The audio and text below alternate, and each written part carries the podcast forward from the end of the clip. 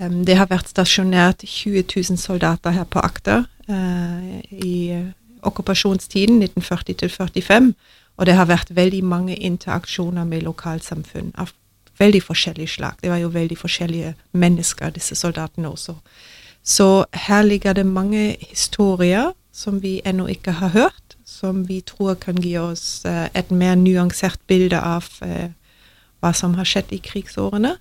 Og vi er også interessert til å se på om det virkelig er slik at 75 år etter krigen er det fortsatt noen historier som er skamfull, hemmeligholdt med store konsekvensene for noen familiemedlemmer, etterkommere, og det ser ut som om akkurat det er tilfellet. Så jeg er veldig spent på hvilken historie vi kommer til å høre. Men hva slags eh, historier eller eh, hemmeligheter er dere ute etter?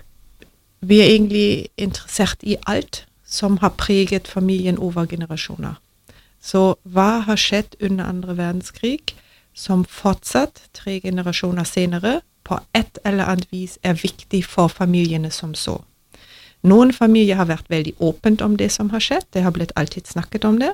I noen familiene var det slik som vår prosjekt også heter, det snakker vi ikke om. Det var veldig mye man ikke skulle i det hele tatt nevne. Og for noen var dette godt at man ikke skulle snakke om det, for noen var det vanskelig å bære på. Og de etterfølgende generasjoner kan slite med det hemmeligholdet hvis, de, hvis de ikke forstår hva som egentlig ligger bak. Så vi vil gjerne vite mer om både hva som har skjedd rent historisk, og hva disse hendelsene har ført til i familiene. Og så eh, er det jo ikke nødvendigvis bare de som eh, sjøl har opplevd krigen, eh, som sitter med historien, men den er kanskje blitt fortalt til barn eller barnebarn. Riktig, og vi har jo fått allerede en god del henvendelser. Um, og blant dem er jo tredje generasjon, som vet at uh, bestefar eller bestemor de har hatt opplevelse under krigen, og bestemor og bestefar lever kanskje ikke lenger. Men det som har skjedd denne gang, det har blitt gjengitt igjen og igjen, men aldri sånn helt virkelig bevisst, aldri sånn helt i riktige ordlyd. Det var, det var noe som lå der som var mer enn det som ble sagt. Og nå forsøker tredje generasjon å finne ut hva det egentlig var. Og alt det som kommer inn av historier, det blir selvfølgelig behandla konfidensielt? alt som kommer inn av historier, alle henvendelser blir behandlet 100% 100% konfidensielt.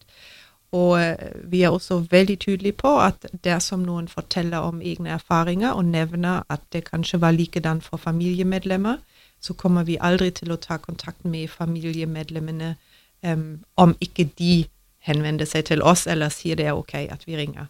Så vi går ikke videre med det vi hører, og sjekker med andre hva de selv har, altså hva de har opplevd. Og eh, dette som kommer inn, eh, vi nevnte det innledningsvis, dette skal i første omgang brukes i en vandreutstilling? Ja, altså Først ønsker vi å dokumentere historiene. Så vi er interessert i hva, hva som kommer inn, og dokumentere hva som har skjedd, og, og, tegne som sagt et mer nyansert bilde.